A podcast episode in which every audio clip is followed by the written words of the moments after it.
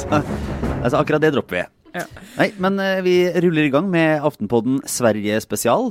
Postvalgsending. Eh, Trine Eilertsen på plass. Jo, så vidt. Ja. Så vidt. Litt Ja. eh, småsyk og på Ja, ja. passe dopet eh, med smertestillende. ja.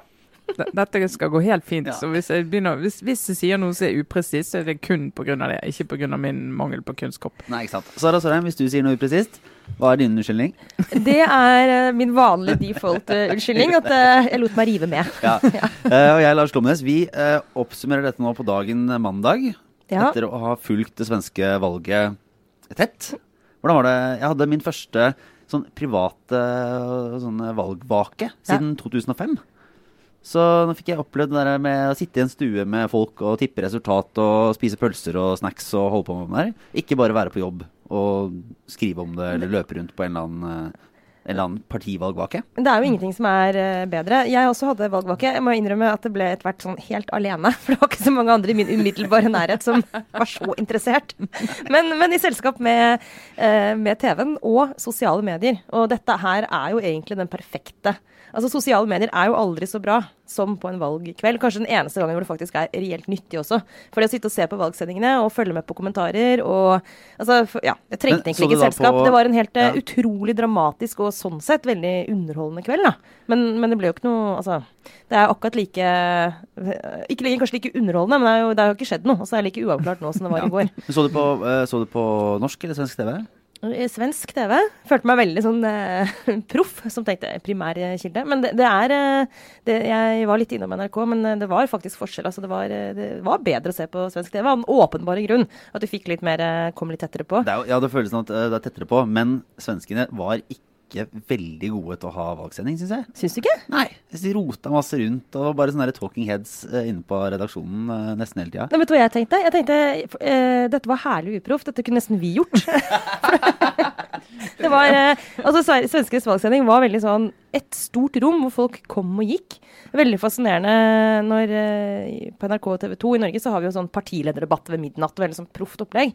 Men på, på SVT så ramla partilederne inn litt sånn random én og én utover kvelden. Og jeg likte det. Jeg, det var, når de likevel kom forbi, liksom. ja, det var veldig rett og slett til svenskene å være utrolig uformelt. Eh, det bidro kanskje også til å skape en litt sånn kaotisk stemning, da. Men det var det jo også. Fordi det er et, og, eller var, og fortsatt er, et helt kaotisk valg.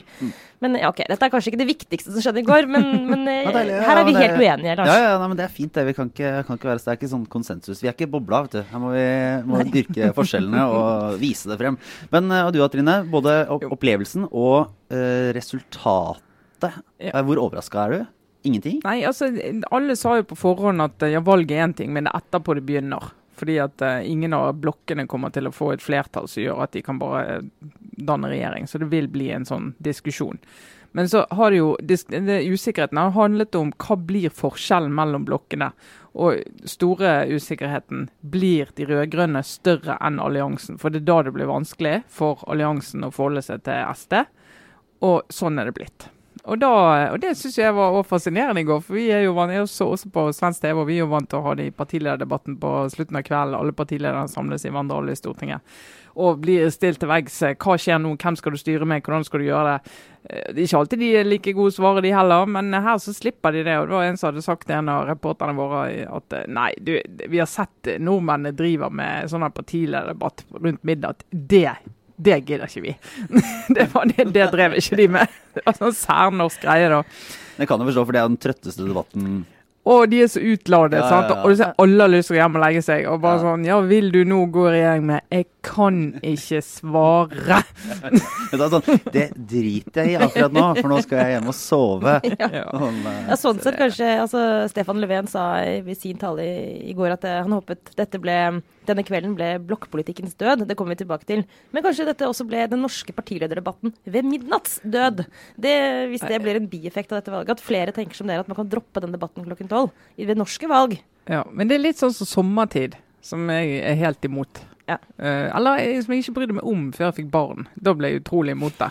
Fordi ungene ble sånn skurr i sovingen. Men nå begynner de å sove, det begynner å være ikke noe problem, så er de ikke opptatt av det lenger. Så jeg har en følelse av at eh, partilederne kanskje er opptatt av det akkurat den dagen. Men de er ikke opptatt av det ellers. Ingen skal måtte kjempe for å avskaffe den debatten i Norge. Legg merke til hvordan vi nå utrolig proft bare prøver å unngå å snakke om Nemlig hva skjer nå? Hva Det er helt umulige umulige Nei, fordi spørsmålet. eh, status, sånn det ser ut nå, så har altså rød-grønn blokk 144 mandater. Mm. Og så har eh, alliansen 142. 143.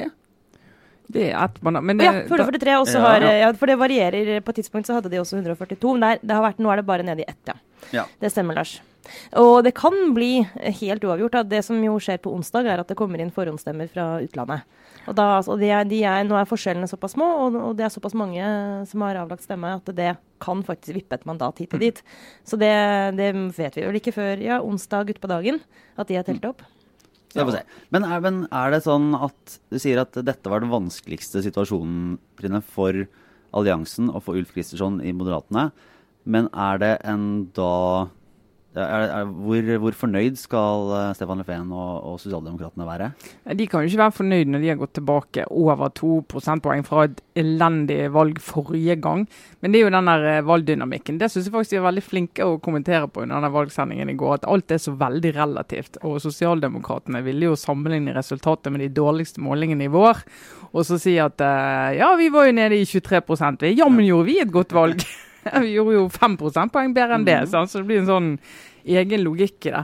Så både de og Miljøpartiet som de regjerer med, altså regjeringspartiene, de to regjeringspartiene, tapte jo eh, markant hos velgerne. Så støttepartiet, Venstrepartiet, de gikk jo opp. Mm. Men de har jo den eh, Det er jo en artig greie, altså. De er jo helt på utsiden. Og her i Norge har vi sett at de som støtteparti til en regjering den, eh, i de forrige periode, de har jo ikke nødvendigvis tjent på det, å ikke sitte i regjering med bare være støtteparti. Men det har eh, Venstrepartiet, da, tilsvarende norske SV, eh, gjort veldig tydelig. Mm. Så Derfor sto alle de borgerlige partilederne og sier ja, men Löfven, du har tapt valget. Uansett hvordan vi regner, så har eh, velgerne sagt eh, gitt deg og det andre regjeringspartiet tilbakegang. Det, det betyr at de vil jo ha et skifte i en eller annen form. Mm. Men så er jo Löfven sin logikk og, og logikken er jo at hvis deres blokk sammen med Venstrepartiet har, er større uansett, så må du liksom bare finne en løsning hvor du kan gå videre med det. Mm. Fordi at da har ikke velgerne sagt at de uansett vil ha et skifte. Ja, Moderatene jo- gikk jo tilbake enda mer, og, og sånn sett så må det jo være en Det, det lyder jo litt hult når Ulf Kristersson sier at, at eh, jeg er klar til å ta makt, og skal vi har vunnet valget og sånn. Så bare ja, så sitte i opposisjon og gått tilbake. Ja. Ja, for det var krevende retorisk det, Altså mange krevende øvelser retorisk i går kveld. Mange som skulle utrope seg selv til valgets vinnere, og med et sånt resultat så er på en måte alle vinnere og alle tapere, nesten. Så det ble en veldig sånn, med sånn kamp om å liksom få, få sette på en måte premisset for hva har egentlig skjedd her. Og Ulf Kristersson prøvde å være liksom høy og mørk på sin tale en liten stund før Löfven holdt sin tale da, på, på vaken eh, til eh, partiene. Og da var han veldig sånn Löfven må trekke seg. Og da var det akkurat den argumentasjonen, Trine, på at eh, tilbakegangen til regjeringspartiene viser at et skifte er ønskelig. Men, eh, men det altså, Vel, vel. eh, Hvor mye var det Moderaterne gikk tilbake? Altså, de er kanskje den, de Tre er og et halvt. eh, ja, den største taperen sånn sett, da, eh, av alle. Eh, kan likevel, ironisk nok, eh, ende opp med statsministeren. Og det er kanskje det mest sannsynlige utfallet akkurat nå. Kanskje. Ja, fordi men, at- men det mm. er jo ikke Altså, han er jo svekket. Moderaterne er jo svekket i alliansen etter dette resultatet. Mens Annie Løf og Senteren gjorde jo et veldig bra valg. Mm. Eh, og hun var proppfull av selvtillit eh, i går, eh, og skal jo bli vanskelig å bryne seg på. Og Senteren og Liberalerne har vært utrolig tydelige hele valgkampen på at de danner ikke regjering som på noen som helst måte er støttet av Sverigedemokraterna. Og da sitter jo Ulf Kristersson i dødens posisjon.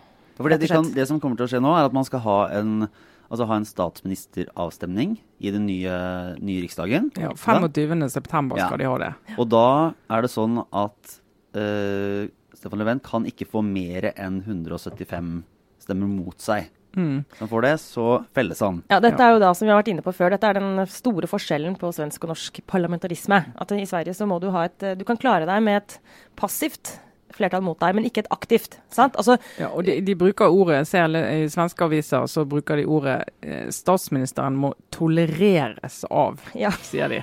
Og det høres jo helt forferdelig ut. Hva, ja, du, gratulerer med ny jobb, da. Ja, det var noe Var det jubel på jobben? Nei, det var noe De tåler jo at jeg har den jobben, tolererer det jo, men det er klart de fleste vil jo ikke det. Ja, i, Norge, I Norge så sitter man til et uh, eventuelt mistillitsforslag, eller man felles på en sak. I Sverige så har man en aktiv statsministeravstemning i Riksdagen. Ja. Eh, og der har jo da Sverigedemokraterna sagt at de vil felle den sittende regjering. Ja. Så de, de mandatene vil gå inn for å felle, Ja. felle. Og det vil da alliansen også ha sagt at de vil ha en ny statsminister. Ja. Så de vil klare å felle regjeringen. Og så er det litt spørsmål hva de klarer å bygge. Å bygge etterpå. Og det er, jo, de bør jo, det er jo lurt å ikke felle før du har en liten plan for hva du skal gjøre dagen etterpå. Ja. Si det til min toåring. Og det er jo det de skal, det er jo det de skal snakke om nå. For da er det jo, er jo Når Leven snakket i går og snakket om nå må vi legge bak oss denne blokkpolitikken. Det han sier da, kjære Annie Løv og Senterpartiet, kjære liberalerne og Jan Bjørklund. Kanskje dere tenker litt annerledes. altså Løse opp i blokkene, løse opp i liksom disse her gammeldagse måtene å tenke regjering på. Kan vi klare å bygge et styringsdyktig alternativ der vi isolerer Sverigedemokraterna? Og sånn sett så sitter jo Senterpartiet med en veldig stor makt i Ja. de forhandlingene som skal være nå. Ja. Eh, Men de må jo da Man må enten bryte med blokkpolitikken eller bryte med valgløftene. Ja. Ja, og valgløftene er jo for mange eh, at vi skal ikke engang snakke med eh, Sverigedemokraterna. Og det blir, eh, det blir interessant. Jeg er veldig spent på hva Moderaterna og eh, Kristeligdemokratene de, altså, der, Som gjør et kjempevalg. ja, altså Ebba Selv om de kanskje ikke var ikke så bra som den første valgdagsmålinga sa, men de har jo ligget nede og, og lurt rundt den sperregrensa. Ja, I hele perioden. Ja. Ja. Og så har hun gjort en helt uh, magisk valgkamp. Ja, det er altså det er jo veldig klisjé med en gang det er snakk om kristne politikere og bruke liksom mirakler og sånn. Men det, er nesten umulig å la det være. altså Mirakuløs valgkamp. Jeg så Kjell Ingolf Ropstad var der i går, fra nestlederen i KrF. Han var der i går, så jeg tenker at han må ja, nå skal ikke vi, vi skal ikke dra dette for langt, Knut Arild Hareide. Jeg vet du kanskje hører på, men det er noe med den energien og den der eh, fargen og intensiteten, og ikke minst tydeligheten. Så her er det jo ting å hente. Her Ja. er det jo ting å hente. Og jeg så Ulf Kristersson helt på slutten i går på SVT sin sending, sånn rundt midnatt, når de satt i studio, de fire alliansen-lederne. Og han var liksom, hadde Annie Løf på den ene siden og Ebba Busch Thor på den andre. Da tenkte jeg sånn sånn De to damene der. De vasker gulvet med deg, Uffe. Det, altså, og dette Ja, de, de gjør det mye selv, Det var veldig kult å se, Ja. faktisk. Men, eh, men det er jo, men altså, så er det sånn, ja, men eh, si at Senteren og Liberalene sier nei, vi blir her vi blir. Men så hvis alliansen da vinner noen mandater nå når uh, opptellingen opp, sånn at de er største blokk, mm. så er det lettere for de å danne en allianseregjering. For da har du liksom På utsiden har du Sverigedemokraterna, men da blir de litt sånn hengende i en sånn posisjon hvor de sier OK, skal vi velte regjeringen? Eller skal vi bare legge ned stemmene som de driver med når det, når det er noe? Eh, og så tvinges på en måte til å støtte de da.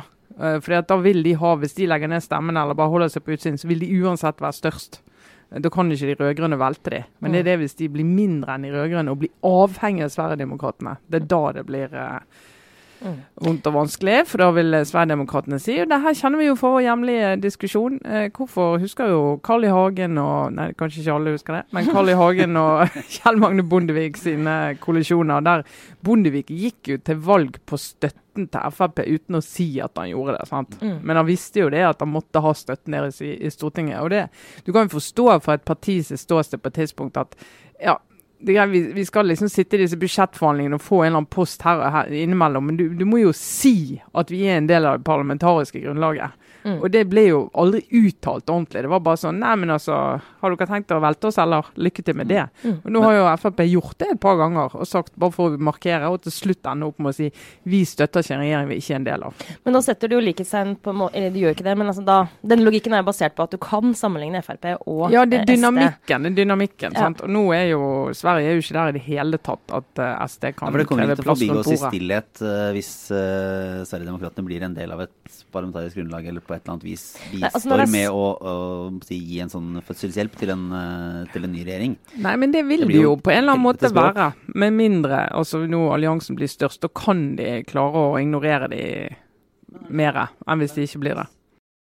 Men er det sånn at Men hvis, øh, hvis rød-grønn blokk er litt større, så må de må få med seg noen fra over kanten for at ikke de også skal være avhengig av Sverigedemokraterna? Eh, Ja, ja for det, eller, sånn, da, må de, da må de si OK, fra sak til sak eh, kan de få støtte fra de andre partiene. Det er sånn som de gjør i dag, egentlig. Ja, de fortsetter egentlig sånn som i dag. Og det har jo vært, eh, det har jo vært eh, på, altså på en måte vellykket. Det har jo klart seg gjennom perioden. Eh, ikke minst fordi det ikke har vært et alternativ på andre siden.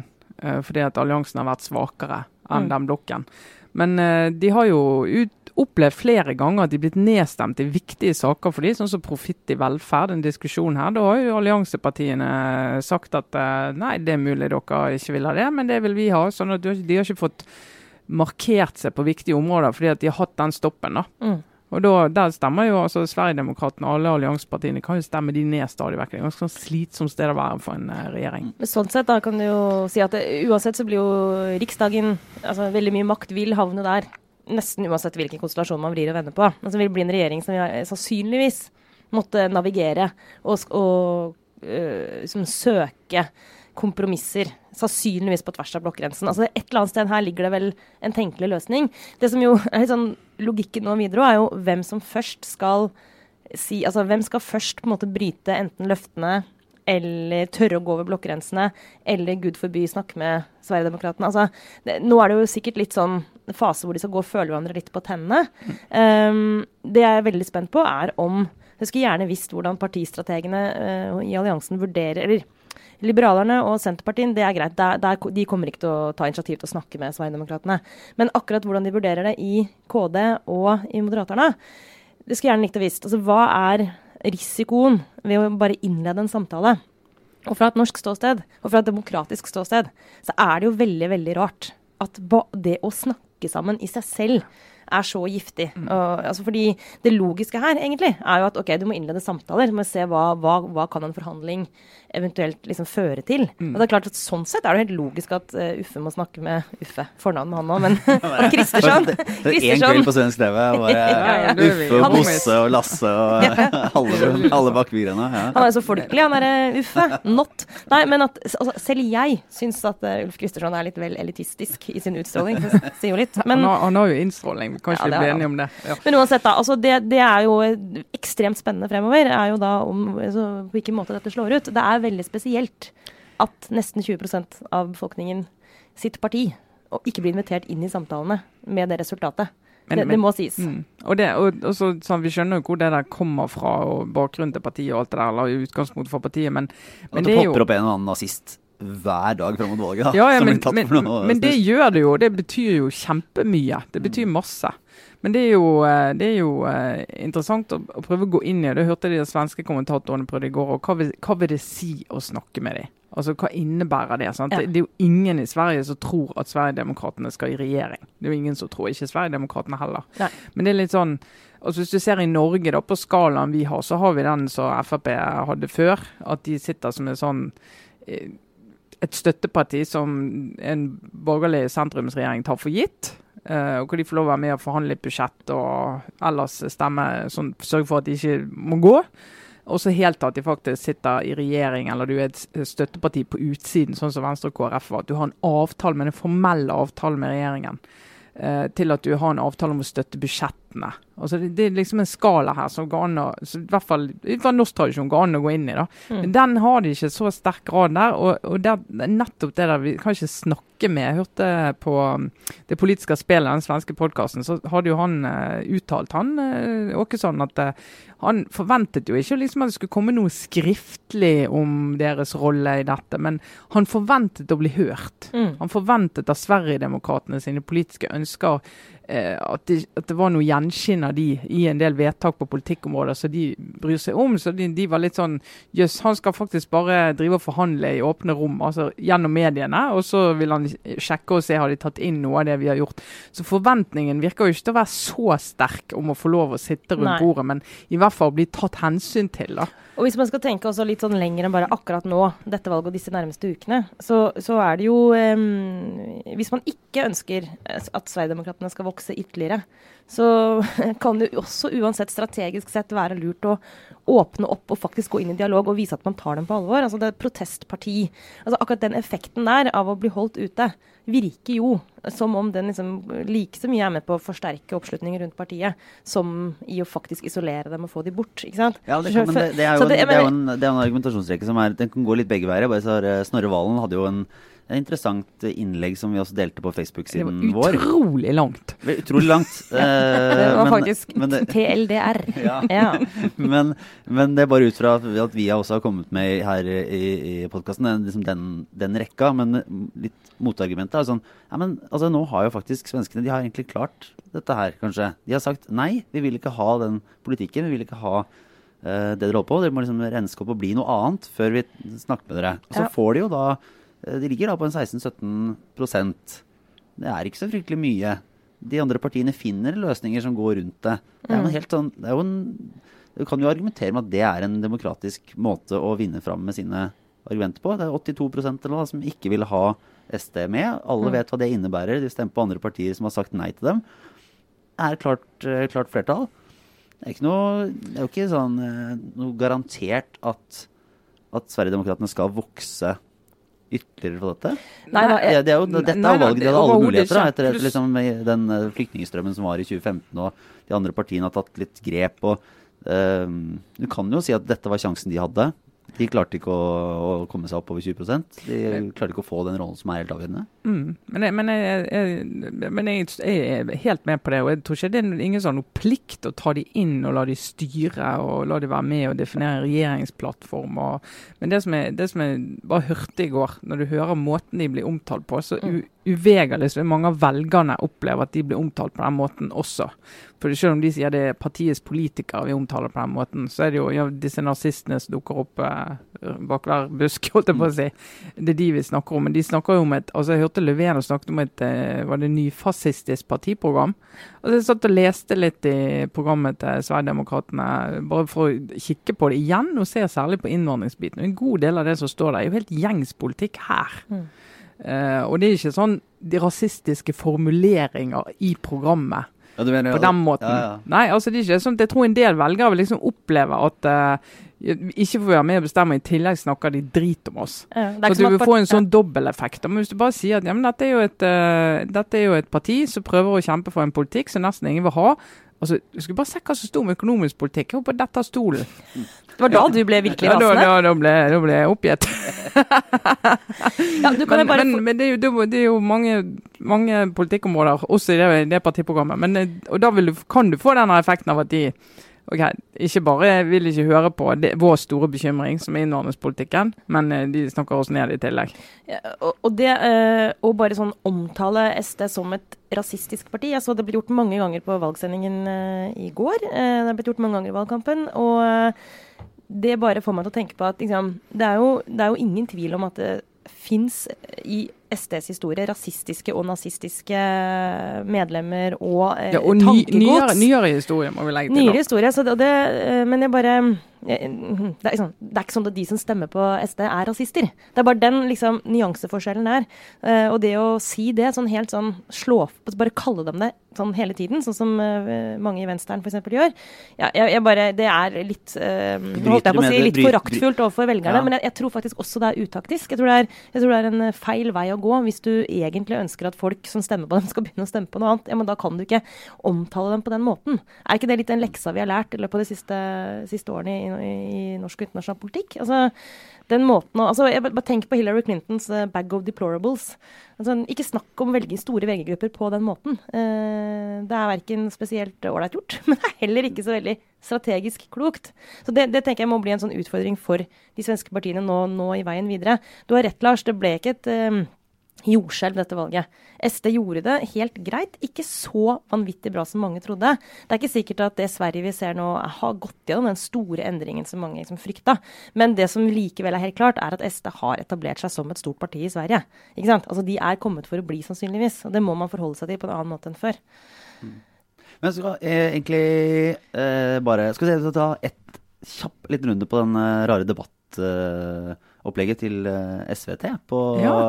Det var, det det var noe helt nytt. Ja, for da uh, var det jo Eh, rett og slett etter debatten så gikk programlederen i, eh, i eh, Svensk TV da ut og slo fast at en, eh, en del av innledningskommentaren til Jimmy Åkesson var eh, generaliserende. Og det tar da SVT avstand fra. Ja. Det ble jo et rabalder. Jeg trodde faktisk ikke at jeg altså jeg minner meg da jeg satt og så på og var litt sånn der Ja ja, nå er debatten over, og satt med et halvt øye og fulgte med på liksom ettersnakket. Eh, og så når den meldingen kom, så måtte jeg liksom spole tilbake og bare Hva skjedde nå? Fordi altså, s- det er så, nok en gang fra et norsk ståsted, det er så vanvittig fjernt.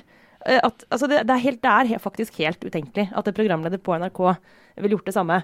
Så, så det var helt sånn Hva skjedde nå? Eh, og jeg får nesten si heldigvis, da, at ikke Altså det ble spekulasjoner med en gang om at ok, dette er liksom dråpen. Nå fikk liksom SD den, de, Nå fikk de siste innspurten, liksom. Nå vant de denne helgen av det. Det ser ikke ut som at slo en sånn, men uansett publisistisk sett, med min- våre øyne, eller i hvert fall mine øyne, helt hodeløst. Jeg trodde, ikke, jeg trodde ikke det var sant. Jeg måtte også sjekke det. Det må jo være en misforståelse.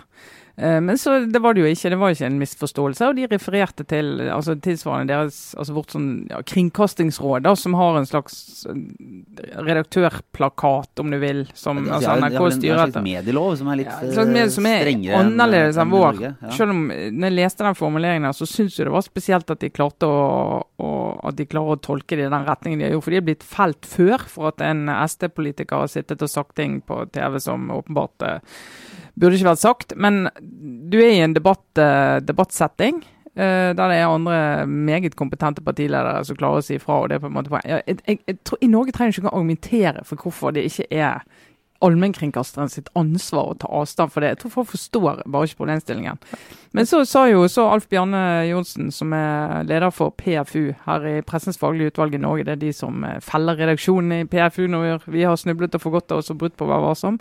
Han eh, skrev eh, en fin informativ post på Facebook der han dro gjennom hvorfor de har, hvorfor de har den loven, og hvorfor de har forholdt seg til det. Men som han sier, sånn at det går liksom an på en måte å forstå at de gjorde det gitt de rammebetingelsene de jobber under, men han sier at dette burde jo vært saken der redaktørene i svensk TV sa nå utfordrer vi det. Mm. Altså vi må gjerne felle oss, men vi skal forklare hvorfor vi ikke tar avstand fra en sånn uttalelse i et sånt program. Ja, og uten Kan- å gjøre dette til en ja, disk... Jeg lurer på om, om kan Sverigedemokraterna si i etterkant dette Ja, ok, de gjør da et eh, bra valg, går fram, men gjør det ikke så bra som mange kunne tenkt. Har de grunn til å si til SVD sånn Vet du hva, dere kosta oss en del stemmer. Ja. Eh, Det er faktisk noe som aktivt rammer oss som parti, og kan liksom si at dette gikk dårligere enn det vi kunne håpe på, fordi eh, Rikskringkasteren grep inn og uh, måtte snakket ned da et av partiene. Ja, men her er vi jo inne i det som virkelig er egentlig eh, sånn tenk på tall-retorikk. Fordi etter et sånt valg som dette, hvor eh, altså Det kan virkelig tolkes i alle retninger. Ja, SD kan på, med, med viss troverdighet si at eh, vi mistet litt vind i seilene helt på slutten, kanskje. Det kan skyldes at akkurat det du beskrev nå, Lars. Men dette er jo den, det minner meg om den retorikken som også jeg ser f.eks. Venstre kjører tungt på nå, som er vi gjorde det så bra fordi, og Senterpartiet gjorde det også bra fordi vi ikke gikk inn og gikk med på eh, SD sin retorikk, eh, mens de andre partiene som gjorde det dårlig, de har kommet SD i møte og prøvd å være like tøffe som dem på innvandring. sant? Moderaterne og, og sosserne spesielt, da. Og på en måte konkurrerte om å være like strenge. Ok, det er en teori. Vi gjorde det bra fordi vi ikke gikk med på SD sin retorikk. Men det kan man også på samme måte snu helt opp ned og si ja, men vi vet jo ikke hvordan det hadde gått hvis eh, sosialdemokratene ikke, og hvis moderatene ikke hadde kommet SD i møte. Kanskje var det nettopp det som gjorde at eh, resultatet ble så jevnt som det tross alt ble. Sant? Men ingen og kan vite dette det. Men, kan vi ikke vite, det blir ren Nei, det kan vi ikke vite, men at de har noe de kan fortelle sine velgere når de skal i kampen mot elitene, og elitene i Stockholm forteller at der sitter de og de faktisk saboterer valgkampen vår helt inn til det siste. Det kommer jo til å ha klangbunn hos eh, velgere oh, ja. som, som her som ellers mener journalister er uh, venstrevridde, eh, og at det får konsekvenser for måten vi dekker ting på. De har jo fått et fantastisk eksempel på det, så det er jo helt, det er jo helt deprimerende at de kunne gjøre en så idiotisk ting. Ja, og uansett, da, bare ikke for at det, dette handler jo faktisk ikke om oss i mediene, men bare for å skyte inn eh, forskjellen også på den svenske og norske ordningen, er at PFU det er noe mediene selv frivillig går inn i, og et, en, en sånn selvjustisordning. Men i Sverige så er det jo delvis regjeringsutnevnt, dette utvalget. Eh, og og det, at det er en kobling, selv om den ikke er 100 mellom myndighetene og da eh, det etiske altså, hva skal jeg kalle for noe, politiet i gåseøyne i eh, Sverige, er jo med på også Trine, å fyre opp under den samme retorikken om at det sitter en slags sånn eh, myndighet, eh, mer eller mindre offisiell myndighet, og, og styrer og passer på at det, man holder folk borte fra men, men bare, bare siste som poenget, synes, eller mange, mye som er interessant, men jeg bare så på uh, oppslutning til Sverigedemokraterna rundt i Sverige, og i Skåne, der de har bygd seg opp og der de er store. Eh, der var det jo eh, største parti, over 30% i mange kommuner. Og de er nummer to-parti i Skåne. Det var jo mange som lurte på om de kunne bli nummer to-parti nasjonalt. Det ble det ikke, det var jo et mål. Moderaterne klarte akkurat å klamre seg til den posisjonen. Neste valg tror jeg neppe det går. Eh, men i Skåne er det Sverigedemokraterna som Og da får du en sånn, da har du en eh, landsdel i Sverige som jeg tror opplever eh, Mange der opplever denne avstanden til elitene i Stockholm. Og Sverige er jo mye mer sentralisert enn Norge. De har jo nesten utryddet glassbygdene. og har jo ikke drevet altså De har jo ikke jobbet så hardt som eh, norske politikere har for at det skal bo folk i husene rundt omkring. Så når vi klager på at folk flytter i Norge, skal du se til Sverige, der er det ikke mange. Men de ser en del av de er sur. Og der er vi inne på noe som vi kan komme tilbake til. Vi skal sikkert snakke mer om Sverige på torsdag. Men eh, ser jo også liksom, forskjell på stemmegivningen generelt mellom landsbygda og byene. Eh, Sosialdemokratene gjør f.eks. mye bedre i byene enn på, på landsbygda. Eh, omvendt for eh, Sverigedemokraterna. Så, så du har på en måte noen sånne der, altså den, De polariserende tendensene, da. Eh, om man skal om liksom, oppsummere noe, så er det liksom at de har blitt forsterka. Altså det, er, det er et polarisert resultat. eh, både sånn partimessig, fordelt utover, og, og pluss at ytterkantene øker, men også sånn geografisk utrolig vanskelig å skulle samle dette. Uh, utrolig vanskelig å skulle liksom, uh, skape nå en, en, regjering i Sverige som, du, som, skal ha, som, som, skal være legitim, rett og slett. Mm. Uh, men da må jeg bare si da avslutningsvis at min personlige vurdering i går da, når jeg så disse to statsministerkandidatene, altså Ulf Kristersson og Stefan Löfven, holde tale, så må jeg si at det var Stefan Löfven som fremsto som statsmannen av de to. han holdt en veldig god tale. Eh, den eneste gode, gode, talen jeg har hørt han holde, eller sett. Men nå har kanskje ikke jeg sett alle, da. Eller det har jeg ikke. Men kanskje ikke sett alle. Nei, men han var veldig Han, var, eh, han snakket om uh, nå var det nødvendig å være og liksom forene alle gode krefter. Uh, og da jeg kjente jo at jeg gikk rett i hjertet mitt da når han sa liksom Vi gjør som vi alltid har gjort. Vi sørger ikke, vi organiserer oss. Fyrte det bra opp i salen der, og jeg, selv, jeg, selv, jeg, kunne kjenne på en sånn oh, wow, for en kraft det var i dette. Mens, mens Ulf Kristersson holdt jo en tale hvor han var veldig opptatt av å si at eh, nå må Löfven trekke seg. Og det var litt sånn, Han skreik liksom litt for høyt sånn 'Jeg vil bli sjef! Jeg vil bli sjef!' Tenkte litt sånn Det er ikke veldig sånn tillitsvekkende å stå og skrike sånn Makten er min! Når den er så åpenbart, liksom. Den, nei, det, er ikke, det, vet du. Nei, ikke ennå, i hvert fall. Så vi får se. Men det var i hvert fall sånn der, uh, liten sånn Jeg syns det var en, en, nivåforskjell på de to akkurat i går kveld. Ja, da, ja jeg er helt enig i at den talen var, var, god til Leven. Og da tenker jeg, hvis du ser der og lurer på om du egentlig, egentlig kanskje har, egentlig har tapt valget, så må du løfte det opp og si at det, det er mulig jeg har tapt valget, men nå må, vi, nå må vi løfte blikket og se stort på det, og ikke se om vi kan bli enige om at jeg skal styre likevel. Ja. kan ikke alle være enige om det, i hvert fall. Så vi i hvert fall ikke være så smålig nå og begynne å liksom kaste statsministre som har tapt i valg. Ikke gjør det. Nei. Nei, men eh, Da tar vi vel og runder så smått av for denne lille ekstrasendingen. Så er vi tilbake på torsdag med, med diverse. Det blir sikkert litt Sverige da, for da har vi jo et endelig resultat, kan vi anta. Og se om det er sånn at uh, en haug med moderater eller Sverigedemokrater i utlendighet har uh, vippa dette valget i en annen retning. Da får vi i så fall komme med helt andre analyser. Et eller annet som sier meg at det ikke bor mange Sverigedemokrater i utlandet, men ok. vi får da se. vi får da se. Men uh, takk for denne gang uansett. Det var Trine Eilertsen, Sara Sørheim, Lars Glomnes. Uh, få alt det vi legger ut på Facebook, og så er vi tilbake på torsdag. Ha det bra.